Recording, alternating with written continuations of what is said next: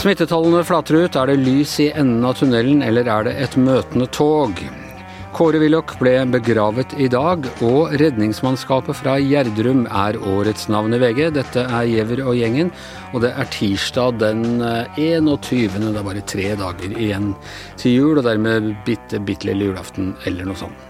Ja, Astrid Mæland, i dag våknet vi til eh, nyheter på radioen, i hvert fall vi som hører på Nyhetsmorgen på P2, at uh, smittetallene er i ferd med å gå ned, og en forsiktig optimisme uh, hos helsemyndighetene og altså, ja, de sa at det var litt tidlig å si, men, men uh, at det er klart at hvis denne trenden fortsetter og, og sånn, er, er det det, sa han med håp i stemmen. Er det grunn til optimisme? ja, Anders, det er jo kjempebra om smittetallene går ned. Um, og det kan jo godt hende at eh, de gjør det, for vi fikk jo tiltak uh, for to uker siden i, på Østlandet. De var jo ganske strenge òg. Og det var jo på Østlandet delta-varianten uh, har dominert. Da. Så det kan godt hende at, at vil jo tro det, egentlig, at folk har jo avlyst en hel haug med ting. Det har ikke vært noe julebord de siste ukene, så vil jo tro at tiltakene begynner å, å virke. da. Men ehm, det er jo mange usikkerhetsmomenter her, for det spørs jo hvor mange som tester seg, om det er nok testkapasitet. Vi har jo noen tegn på at det begynner å bli litt travelt for dem som driver med testing. Eh, og så er det jo denne omikron-varianten. Det er jo noe som heter eksponentiell vekst, og hvis den ligger der og uh, formerer seg og dobler seg annenhver dag, så kan det se lite ut i begynnelsen, men så kan den legge under der og koke og boble, og så plutselig kommer det. Eh, ja, for det, det, er jo en brøk der i forhold til uh, hvor, hvor, mange som tester seg. Men det er jo inntrykk av at det er veldig mange som tester seg for tiden? Ja, jeg er jo det. Og, og så vidt vi vet i VG, så er det travelt på på teststasjoner, på, på, på laboratorier, på sykehuset. De har jo et tak der det jo trengs jo personell og utstyr for å klare å ta unna. Så det er jo det har vel aldri vært så travelt som nå, vil jeg tro. Kanskje ja, litt i mars i år, men nå er det jo rekord. Så, så jeg tror bank tester seg fortsatt. Eh, men eh, spørsmålet er om, om eh, vi oppdager alle, om eh, det går fort nok. Og så er det jo mange som bruker hurtigtest, og det forvirrer jo bildet litt nå. Ja, altså jeg må si siste sånn bølge, den som var eh, akkurat da, da skolene åpnet i, i, høst, og videregående var så mye smitte på videregående og sånne ting. Da var det lange køer for å teste seg her i Oslo, men du fikk svar i løpet av et døgn. Nå hører jeg at det er opptil to døgn på svar på testene, så jeg vet ikke om det er fordi testkapasiteten er så mye dårligere nå enn den var i eh, august, eller om eh, det er fordi det er mange flere? Ja, det er jo mye, mye mer som er smitta nå, vet du. Eh, så kan det jo hende at de har tatt ned testkapasiteten, for vi har jo ikke helt forberedt oss på denne omikronbølgen. Vi trodde jo kanskje at det skulle gå litt, litt bedre enn det har gjort så langt, da, med antallet smitta i hvert fall. Men ja, det er litt vanskelig å si. Det er jo, det er jo tegn i Danmark på at der flata, har flata litt ut, men det sier Eh, jo det danske folkehelseinstituttet da, at eh, nå må folk uh, teste seg bare hvis de virkelig må, for at det er så travelt på laboratoriet. Men du mener altså at hvis det flater ut, så er det fordi man har fått kontroll over den deltaen som begynte å spre seg til tross for vaksinene, og ikke fordi man har fått kontroll over omikronen, den er fortsatt i pipelinen? Ja, for det kan jo være slik, lett å si at det er ett omikron-tilfelle i begynnelsen, og så fordobler det seg annenhver dag. Så blir det to, fire, åtte 16, du vet den her eh, sjakkspill og de der riskorna som ikke jeg klarer å gjengi. Men det, altså, ja, ja, plutselig så er det Kongen som skulle belønne med doble riskorna på hver rute. Ja, så plutselig er det ganske mye. Og det er jo det som har gjort at de er så himla redde av myndighetene. fordi at de har sett fra særlig Danmark og Storbritannia at det fordobla seg annenhver dag. og nå er det jo visse tegn på, som kan være litt positive. Det skjer jo i, i Sør-Afrika at det, det, ser ut hvert fall som det har pika og begynt å gått ned der i de nordlige provinsene. Og så var det tall som kom fra London i går som òg tyda på at det begynte å pike der. altså Toppen er nådd, men det er kjempestor usikkerhet, ikke sant? for det gjelder jo eh, spørs jo om folk tester seg, og det koster f.eks. å teste i Sør-Afrika. Så det spørs om kapasiteten er bra nok, osv. osv. Hvordan ligger vi an med sånn som eh, koronapass? Er det noe bevegelse der, eller eller er det fortsatt liksom som å, å, kreve legitimasjonspapirer av minoriteter? Jeg ser det er diverse smakløse sammenligninger her. Ja, jeg tror ikke myndighetene er noe særlig ivrig på det akkurat nå. Jeg skjønner jo det godt. Dere sitter og ser på tallene for eh, Danmark. Jo, på omikron så er det jo flere og flere og flere som er smitta. Uh, eh, selv om de har tatt tredje dose, jeg vet ikke om de er oppe i 2000 smitta. Det sier jo ikke så mye, det. altså, fordi at uh, det, det, er jo bare, De har jo ikke full oversikt og vet ikke hvor stor andelen som blir smitta av omikron som har tredje dose, men det er en god del. sånn at, Og vi vet jo fra før at delta det, det beskytter heller ikke. Er det fordi et koronapass vil ikke fange opp de omikronsmittede, eller? Altså, Du blir jo smitta selv om du har tre doser, og kan smitte videre. Selv om du antageligvis er bedre beskytta enn uten vaksine, så er det jo en slags falsk trygghet. Da. Hvis du går på julebord og, og har koronapass, så er det stor sjanse for, eh, særlig hvis, de, hvis det er noen uvaksinerte på julebordet, at de, eh, de blir smitta. Ok, Hva med reglene for, for, jula? Er det noe nytt der? Eh, opp til 20 på julaften og Overformynderiet skal jo snakke litt senere i dag. Det skal ha en pressekonferanse. Det blir vel sikkert eh, Nå går jeg rundt en enebærbusk og ja. små antall rundt juletreet. Vet ikke om de skal komme med noen nye juleråd, i hvert fall. Engler som daler ned i skjul må ha to meters avstand. Kanskje bare én. Ok. Eh, nei, vi får bare holde ut her. Eh. Uh, Astrid, det, det, ser ut som vi, vi blir ikke kvitt det på denne siden av julaften i hvert fall. Nei da, men det er jo en del positive tegn. Hell viser seg det uh, usikkert alt sammen til da, men det jo, kan jo se ut som det har pika i Sør-Afrika og Eh, det kan jo se ut som det gir mildere sykdom, og så kommer det jo til å virke den tredje dosen, som jeg har fått den tredje dosen allerede, langt opp på bygda på Nordmøre. Det går jo kjempefort i kommunene, og det vil jo virke òg. Vi, vi, satser på det. Tusen takk skal du ha, Astrid Mæland. Ja, Tone Sofie, jeg eh, sa begravet i eh, innledningen her, og har fått en liten strekk fra politisk redaktør, for det heter altså bisatt. Han er jo da ikke jordfestet ennå, men du har vært til, eh, til stede ved, ved bisettelsen i Ullern kirke?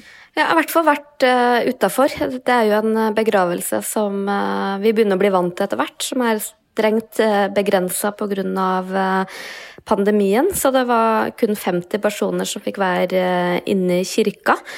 Det betydde jo at det var i all hovedsak familie og nære av Kåre Willoch, og til sammen seks personer fra det offisielle Norge som var til stede. Ja, og det var bl.a. kongeparet? Ja, og det er jo, han har jo et hatt et langt liv både i nærmiljøet, i politikken og i offentligheten, så det er jo ikke noe tvil om at det er mange som veldig gjerne skulle vært til stede der i dag. Og så det var jo kongeparet som var der. Eh, tidligere statsminister Erna Solberg, eh, nåværende statsminister Jonas Gahr Støre, og det var vel høyesterettsjustitiarius, nå må jeg holde tunga rett i munnen her, og eh, stortingspresidenten, eller visepresident Sven Harberg som var til stede. Og det var kun de seks, faktisk, fra hele hans offisielle karriere. Ikke hans gamle motstander Gro Harlem Brundtland? Nei, jeg tror nok ikke det.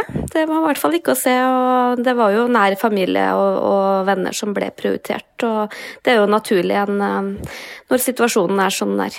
Ble eh, bisettelsen da overført på, på storskjerm utenfor, eller hvordan fikk dere som var der og dekket det fullt med?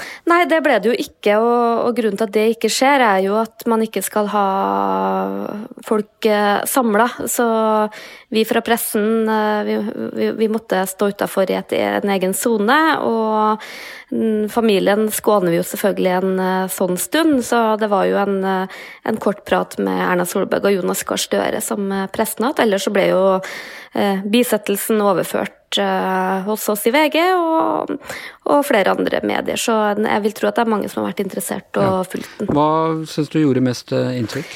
Nei, inntrykk det er, jo en, eh, det er jo en godt voksen mann, og det som Erna Solberg sa når hun ble intervjua av oss, at selv om det er en vemodig stund, så er det kanskje mest fylt av takknemlighet. Og jeg har jo lest mange artikler og hørt mange både podkaster og annet som har vært spilt inn de siste ukene. Eh, og han er jo en person som eh, har betydd veldig mye for, eh, for, for, for Norge, for forandringa av Norge, for det Norge vi kjenner i dag. Er han, han er jo også en karakter som veldig mange har et eh, forhold til. Jeg var også liten og Kåre Willoch var statsminister, så jeg har jo ikke et veldig sånn eh, aktivt forhold til han som politiker. Men den stemmen hans og den litt sånn lune, ironiske humoren tror jeg noe vi alle sammen har. Liksom, han satte jo preg på flere tiår, så han har jo vært en utrolig viktig person. Og jeg har jo også bare sett den som en sånn skyvende fare i hornet, om man kan kalle det det, på Høyre sine landsmøter. Og det var jo alltid sånn alle satt andektig og lytta og med spisse ører og hørte faktisk etter og når han Og det var jo veldig ofte at det var barnetrygd og den type temaer som han snakka om. Ja, Hanne, vi som var litt større da, da Willoch var, var, statsminister, gamle nok til å stemme på han. Jeg har vært gammel nok til å stemme på han alle de gangene han har vært aktuell eh, som statsminister, jeg, tror jeg. og var jo da under høyrebølgen på 80-tallet på mange måter om, uh, omstridt. Da var Fremskrittspartiet såpass lite at det var liksom Høyre som var, uh, var hele høyrebølgen Eh, i Norge. Og så har eh, bildet av ham eh, mildnet jo etter at han gikk av som statsminister. Og ble han mer landsfaderlig som eks-statsminister enn han var som statsminister? Ja, han ble på en måte mildere både i framtoning og i politisk budskap. Han ble jo veldig opptatt av klima, miljø, veldig opptatt av barns oppvekstvilkår, barnefamilienes stilling. Eh, og så var han, han ble jo sett på, som du var inne på, da han statsminister som litt arrogant og litt spiss og litt distansert. Mens da han ble en eldre mann, så ble han veldig mye en sånn blanding av en statsmann og en god bestefar for alle. Og eh, så likte han vel å si selv at han hadde ikke egentlig forandret seg så mye, han hadde bare fått et litt annet eh, fokus, og det er vel for så vidt også riktig. Eh, altså når du, når du, sitter som statsminister og skal styre alt det han kaller utgiftsdepartementene og sånn, så, så, må du ha et litt annet fokus enn når du kan være bestefar og se få barnebarn som påvirker deg, og hvordan deres oppvekstvilkår er. Eh, sånn, Men han, han, bevarte jo sin personlighet gjennom delene. Det var ikke noe tvil om at det var den samme Kåre Willoch? Nei, det er helt riktig. Det er klart, Rollen former jo veldig fremtoningen, og særlig den tiden der hvor før han ble statsminister, så var det jo heller ikke et sånt offisielt Norge hvor du viste fram så mye av privatlivet ditt og personligheten din og hva skal si, de myke sidene. Så sånn at rollen formet det. og og det at han på en måte kom ut seinere som en mykere mann. Det var den samme, han hadde jo den litt sånn spisse ironien og den litt sånn si, skarpe fremtoningen fortsatt, men det var en helt annen mykhet ved han de siste årene. Særlig han opptrådte sammen med barnebarna sine, f.eks. Philip, som eh, hadde Downs syndrom, og som han fremholdt stadig vekk Kåre Willoch var opptatt av at alle barn er like mye verdt, alle barn er likeverdige, og han var en veldig, veldig stolt bestefar for Philip. Eh, du har jo vært med på mange kåringer her, historiske kåringer og sånn i VG, største nordmenn, største kvinne og i det hele tatt. Hvor vil du plassere Kåre Willoch på, på, den skalaen, over etterkrigstiden, da, for å ikke gå helt tilbake til Harald Hårfager eller sånn? Han satt faktisk i juryen da vi kåret de 100 viktigste nordmennene i forbindelse med grunnlovsjubileet i 1814. Da husker jeg han og Hadia Tajik hadde en kjempekrasj hvor de bare kolliderte veldig, hvor begge var ganske bastante i forhold til hverandre. Så han var naturlig nok ikke en del av den kåringen. Eller han var ikke en del av de 100 nordmennene? Jeg satt også i noen kåringer med ham hvor han, vi skulle kåre årets mektigste og sånne ting. og Da han, hadde han den milde formen, men det var ganske klart hva vi skulle bestemme. Men han begynte alltid med å si at det ville være fullstendig galt om vi ikke hadde, og så ramste han opp de fire som måtte øverst. han ville definitivt hørt med på den lista over de 100 viktigste, som Tone Sofie var inne på. Han forandret jo Norge på 80-tallet i en helt annen retning enn det det hadde vært med Arbeiderpartistaten gjennom hele etterkrigstiden, med søndagslukkede butikker, med stengetid klokka fem, med NRK-monopolet, med kredittregulering, politisk bestemt rente, alle disse tingene. Det er klart at han endret Norge, så han hører nok med på den lista, ja. utvilsomt. Var han høyresidens Gerhardsen? Eh, ja, kanskje det, det har jeg ikke tenkt på, men det var han kanskje. Men, han, men jeg tror aldri at folk tenkte altså Gerhardsen var en veldig sånn landsfader fra nord til sør. Eh, han favnet nok på et vis bredere enn det Kåre Willoch gjorde, i hvert fall mens han var statsminister. Da var Kåre Willoch en mer polariserende figur. Ja, Gerhardsen var også polariserende, men han favnet allikevel, tenker jeg, litt eh, bredere. Det er bare så lenge siden Gerhardsen, så det opplevde ikke vi, så da, da føler vi at han var mye ja, Da var alle de skarpe kantene borte, og så var det bare landsfaderbildet som sto igjen. Tone Sofie, hvordan er eh, statusen til Kåre Willoch i Høyre i dag? Er han, eh, er, har du liksom willochianere som en fløy av partiet? Er han øh, hvordan, blir, hvordan, blir, han ansett av dagens høyrepolitikere? Han har jo en, eh, nærmest en sånn heltestatus, om man kan kalle det det. Og jeg tror ikke at han har noe sånn fløy, for han ble vel egentlig ansett å ikke være en del av noe fløy eller ha noe sånn Eh, men jeg tror han har betydd utrolig mye for eh, mange, både for det han sto for politisk, men også den personligheten han var. Eh, som jeg tror alle har et eget forhold til. Og jeg har hørt en av de som har både skrevet bok sammen med han og, og uttalt seg en del i ettertid, er jo vår kommende kollega Torbjørn Røe Isaksen. Og han er veldig opptatt av at det er en del myter om, om Kåre Willoch, f.eks. det at han ble så radikal på sine eldre dager. Han mener at han absolutt var gjenkjennelig høyremann til det siste, men der han forandra syn, f.eks. Israel-Palestina-konflikten, så, så, var jo ikke det noe bare han gjorde, det var jo på mange måter noe store deler av samfunnet gjorde, ikke minst Arbeiderpartiet skifta syn på det. Abortsaken en annen sak han har vært veldig åpen om at han uh, har endra standpunkt på, og også det at klima- og miljøbevisstheten uh, har blitt større i samfunnet. Han var kanskje tidlig ute med å sette ord på det til å være den generasjonen uh, på høyresida, men det handler også om en samfunnsutvikling, og, og det her vet vi jo ikke, men jeg tror nok at selv om Kåre Willoch har en stor del av æren for den åpninga av det norske samfunnet, så er jo det mange av de forandringene ville nok også kommet uansett. Da. Ja, det, det skjedde på hans, på hans, vakt, øh, kan man si. Ja, og han var jo veldig viktig for den uh, høyrebølgen sammen med Erling Norvik og andre. Det var jo også det et internasjonalt fenomen, men uh, det var jo virkelig en, en, ny tid, nytt syn på både verden, på staten, på forbrukernes posisjon, og de fikk jo det kjempevalget med over 31% som har jo vært en milepæl i norsk politikk. Så, så det er jo alltid vanskelig vanskelig å liksom vurdere statsministres storhet og sånn. Jeg tror du, du, Det tar nok noen år før vi vet hva Erna Solberg faktisk har betydd, men eh, at han eh, virkelig har vært en del av et paradigmeskifte i Norge, er det vel ingen tvil om. Bjørn Faltvedt har løst sammenkobla med Gro Harlem Brundtland. Jeg tror Gro har samme posisjon i Arbeiderpartiet som Willoch har i Høyre. At de to var på en måte de to markante politikerne den gangen, så de hører på et vis sammen. Ja. Eh, det er ellers eh, spesielt, må jeg si, dette når, når en sånn per, så kjent person eh, som har, har liksom preget norsk offentlighet i så mange år, dør. Og, og, det er noe eget sånn før jul. Jeg tenker litt på det var eh, Per Aabel som altså døde eh, ved juletider. Torbjørn Egner. Eh, Kåre Willoch. Det er noe det, Man blir ekstra sånn sentimental eh, av, eh, av julehøytiden rundt sånne ting, Hanne?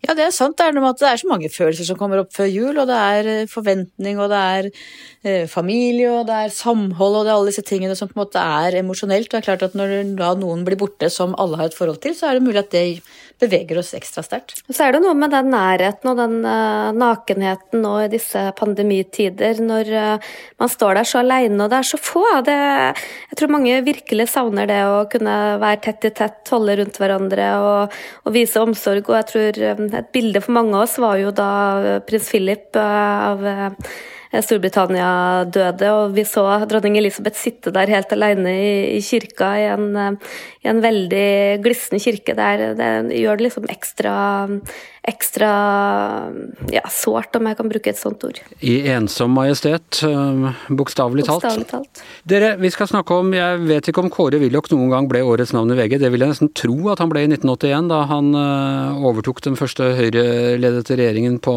siden, uh, siden Jon Lyng. Men vi skal snakke om årets navn i VG, en av de store begivenhetene i dette mediehus. når vi kårer det, og det i år ble det altså ikke én person, men eh, alt redningsmannskapet ved, etter eh, jordraset på Gjerdrum i, i jula i fjor. Eh, Hanne, du har sittet i, eller du sitter i redaktørkollegiet som er med på å, på å avgjøre dette. Hva var det som ble, ble avgjørende for, eh, for at dere valgte akkurat de? Eh, redningsaksjonen i Gjerdrum var jo imponerende arbeid de som kom dit, de første som kom på stedet, de gjorde ikke bare jobben sin, men de strakk seg lenger enn det som egentlig står si, i stillingsinstruksen. De gjorde en formidabel innsats og reddet mange menneskeliv, og det er den viktigste begrunnelsen for at de får prisen som årets navn. Ja, Tone Sofie, du rykket jo ut uh, på denne saken uh, i fjor, uh, like etter at det hadde skjedd.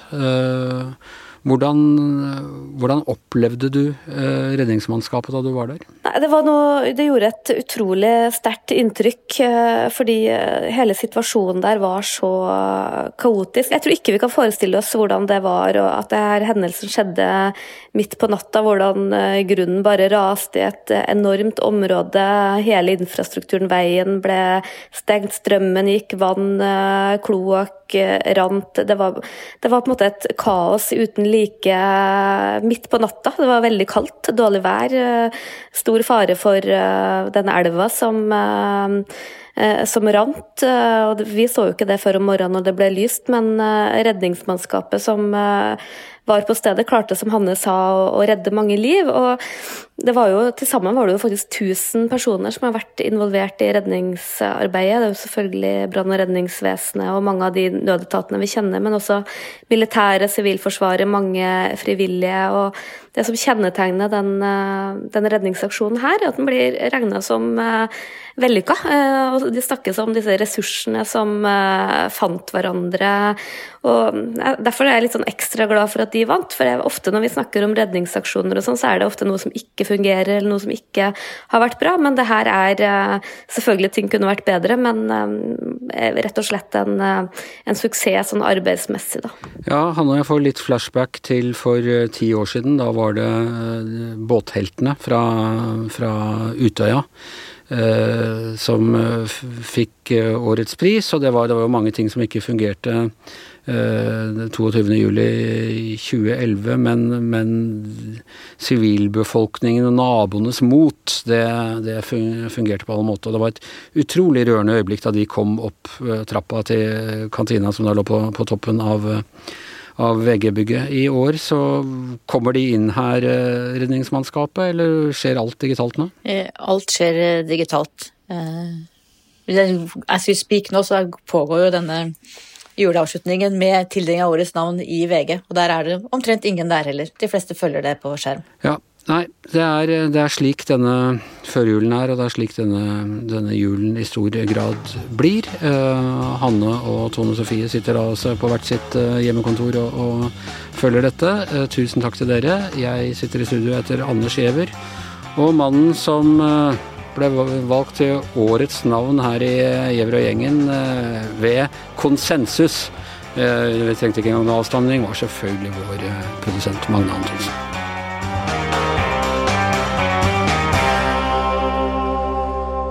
Du har hørt en podkast fra VG.